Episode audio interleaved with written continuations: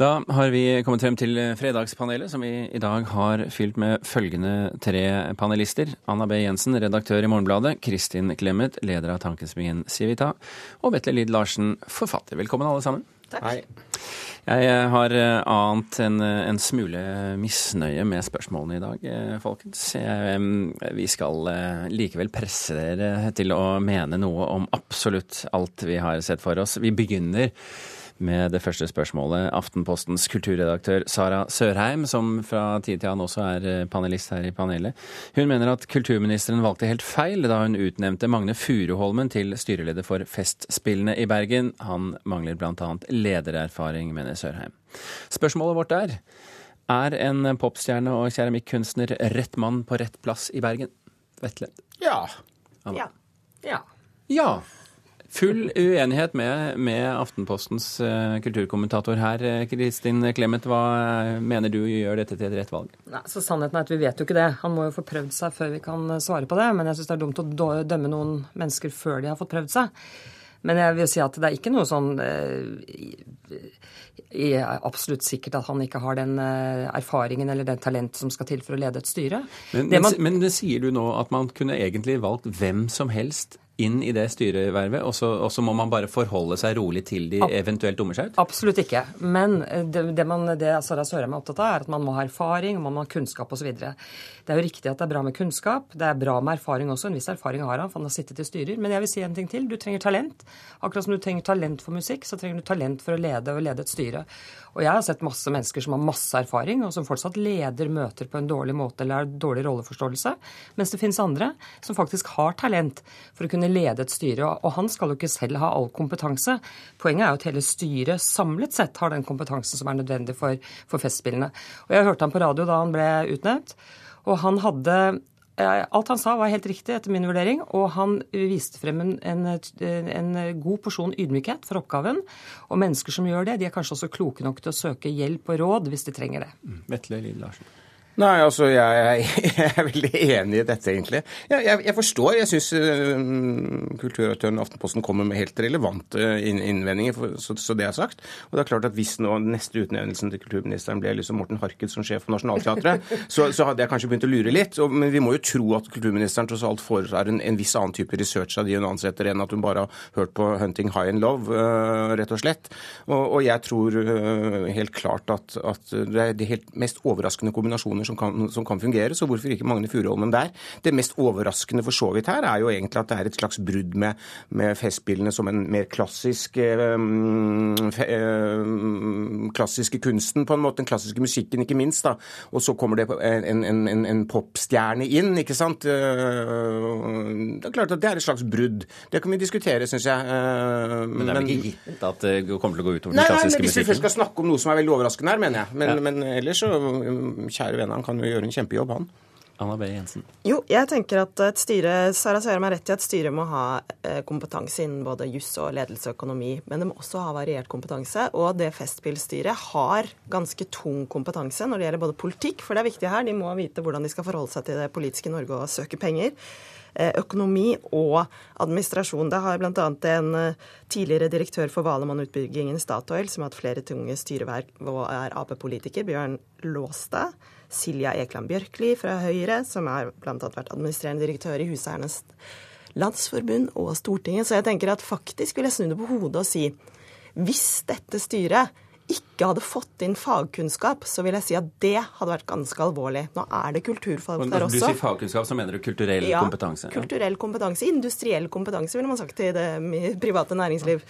Eh, men, så jeg vil si at det, det å få inn en styreleder her som faktisk har da kunstfaglig kompetanse på Eh, er, er, faktisk et godt grep. Ja. For det, det, gjør at det styret blir mye mer variert enn det ellers ville vært. Altså, det jeg tror han bidrar med, altså jeg tror Det er helt riktig som blir sagt her, at styret må samlet sett ha den kompetansen som Sara Sørheim eh, snakker om.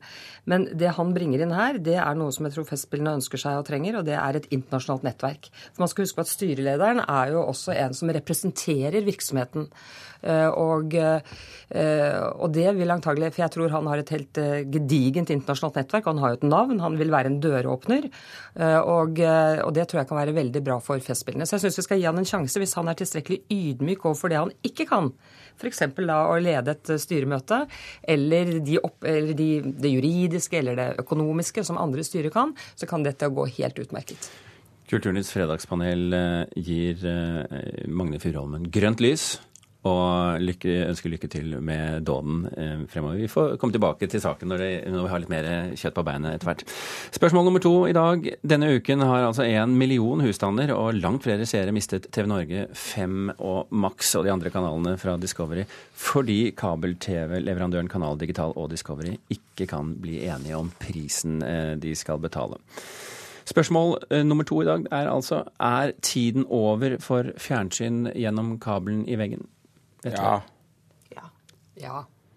I all verdens land og rike. Man skulle jo nesten veldig, tro Veldig gode spørsmål her. liksom. Dere virkelig noe som skaper splid. Ja. Interessante ideologiske debatter. Dyptpløyende kulturelle analyser. Da syns jeg at du skal sette i gang med dine dyptpløyende analyser hva angår fremtiden til TV Norge. Jeg kjenner ingen som ser på TV. Jeg ser nesten aldri på TV selv. Det må være Dagsrevyen selvfølgelig, og, og et og annet program. Men, men, men jeg mener jeg liksom øh, virkelig, jeg har ikke noe mot TV, jeg. Men jeg ser bare ikke på det lenger. Og det er bare ikke til stede i debatten. Og de viser dessuten bare de samme greiene stort sett allikevel.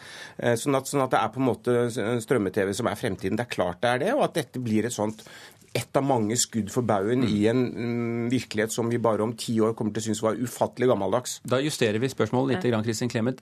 Driver nå Discovery og, eh, og, og, Kanal Digital og graver sin egen grav? Er det det de gjør? Ja, det tror jeg kanskje de kan gjøre. Altså, eh, jeg oppdaget nå i forbindelse med denne saken at han vi alle trodde skulle bli kulturminister, nemlig Olemic Thommessen, han fremmet i 2008 et forslag om å gå bort fra dette og få sånn åpent, mm. åpent nett. Og nå diskuterer man jo det igjen som en følge av denne saken. Og sånn er det jo når vi bestiller strøm. Da betaler vi nettleie, og så kan vi jo bestille strøm fra hvem vi vil.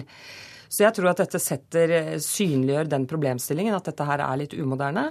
Så jeg tror det kommer til å få skje. Nå hører man politikerne på Stortinget sier at nå må vi få fortgang i uh, dette med å få et åpent nett. Så jeg tror det kommer der. Akkurat som det er med internett og med strøm, så får vi dette her også for leveranser av programmer. Men da har vi jo et problem som, eh, som ble skissert i den saken vi hørte tidligere i dag, Anna B. Jensen, nemlig eh, insentivet til å putte masse penger inn for å, for å bygge opp nettet. Det forsvinner da, er det noen som frykter?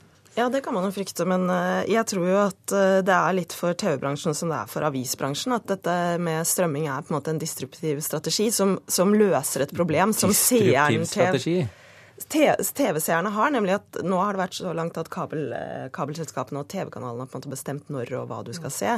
Eh, og når man da selv kan få lov å bli sin egen kringkastingssjef, så er det veldig mange som ønsker det. Det er veldig lett, og det er ikke så dyrt heller. Alltid litt vondt i over... Altså, Jan Eggum sa alt er en overgang, og det kommer det til å være her også. Så det blir litt vanskelig akkurat når man skal gå fra det ene regimet til det andre, men det tror jeg nok kommer til å skje. Det er altså konklusjonen? Det, det... det er bra samtid vi har i dag.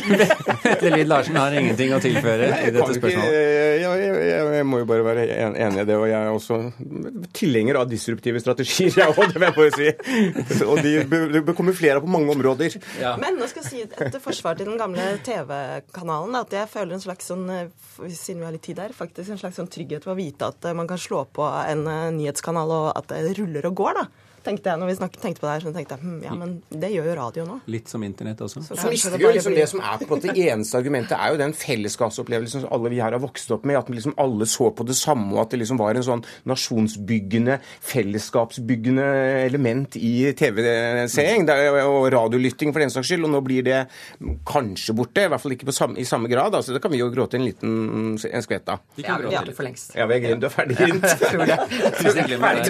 Ferdig grått. Det er godt. Eh, vi eh, går til eh, neste punkt. Utstillingen Maplethorpe pluss Munch viser frem to kunstnere sammen, men NRKs kunstanmelder Mona Pahl Bjerke hun finner svært få paralleller mellom Norges fremste kunstner og en av verdens kanskje mest respekterte fotokunstnere. Tredje spørsmålet vårt går altså til Munch-museet. Har de strukket denne sammenligningsstrategien sin altfor langt her? Vi kan begynne med Kristin. Nei. Tja. Ja. Ah. Nå tror jeg du bare var høflig med meg. Jeg var det, jeg så det jo liksom, du bare lengtet etter et annet svar. Et overraskende, et overraskende svar. Hvorfor eh, mener du hvor, Hvorfor finner du rom til å si at Nei, jeg, jeg, jeg lyttet til kunstanmelderen i NRK. Jeg syns igjen det er helt relevante innvendinger. Og jeg er på en måte skeptisk til en sånn her, litt sånn jippo-greie ved liksom å sette sammen ting som Ja, jeg vet ikke. Det lukter litt av det, men jeg må dessverre da si når det er sagt, så er det jo også interessant å gjøre det. Og det er jo en lek, og det er jo paralleller enten man vil eller ei. Og det blir en eye-opener når, når, man går og ser det. Jeg har ikke sett det, jeg har bare sett sammenstillingene. Og, og, og, og vi må være klar over også at, at, fotografiet er på en måte det som i dag har overtatt der den klassiske kunsten sluttet. da. Det er noen linjer her, ikke sant. Også Mapletorp var inspirert av, av alt fra van Gogh til Dürrenmatt, ikke sant. Og det var jo også Munch. Så det er klart at her er det Det er lov, det er morsomt, og det kan bare bidra til å skjerpe appetitten. Men dette eh, hørtes ikke ut som ja, dette hørtes ut som nei. Nei, det var et ja, ja. Nei. nei. nei. Ja. Han var høflig. Ja, ja. Jeg, nei, jeg sa nei, og det var av disse grunnene. Altså, jeg, eh, om jeg selv har, forstår det, eller har noe veldig personlig sans for det, det vet jeg ikke. Jeg har, sett, jeg har jo ikke vært der, jeg heller, men jeg har sett noe på nett. Det, det åpner altså til helgen, bare så det er sagt. Det blir veldig mye fistfucking der, altså. Hvis det kommer én Munch og én fistfucking til, så begynner jeg igjen å lure på om det er noe gærent på norsk kulturliv. Men ok, det, det, jeg synes, jeg svarer, svarte det jeg svarte rett og slett for kunsten skal være fri. altså Om jeg liker det eller ikke. Jeg syns ikke det helt er, er, relevant her. Men vi kan diskutere det for det, da. Ja, ja, ja men spørsmålet var om de hadde ja. Strukket det for langt. Men strukket det for langt. Jeg hørte hennes anmeldelse, men jeg hørte jo også Stein Erik Hagen, som mente det motsatte. Her er det, det er litt sånn uh, smaken er som baken. Nesten bokstavelig talt. Og apropos baken, ja. Anna B. Jensen, du har litt en kort tid nå, men vi prøver, vi prøver likevel. Altså, her er det jo homoerotisk innslag, da, som er for mange veldig grove. Passer, ja. passer det? Nå har jo ikke jeg sett det, men det er folk i Målbladet som har vært der. Men du har sett noen av disse bildene? Ja, det har jeg sett. Ehm, jeg mener jo at Nei, det syns jeg ikke er for grovt. Altså, det er Mapplethorpe er en stor kunstner.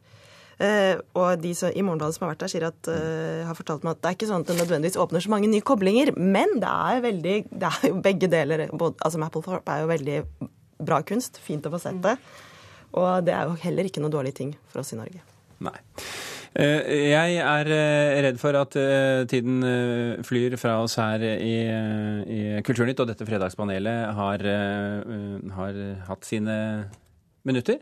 Tusen hjertelig takk for at dere kom, Vetle Lid Larsen, Anna B. Jensen og Kristin Clemet. Så skal, jeg, skal, vi se om vi ikke klarer å, å, få opp spørsmål neste uke som virkelig setter panelistene i stor konflikt. I mellomtiden får vi bare runde av med det vi har. Lisa Stokke og Birger Kolsrud Aasund takker for følget. Det blir nyheter videre på denne kanalen nå.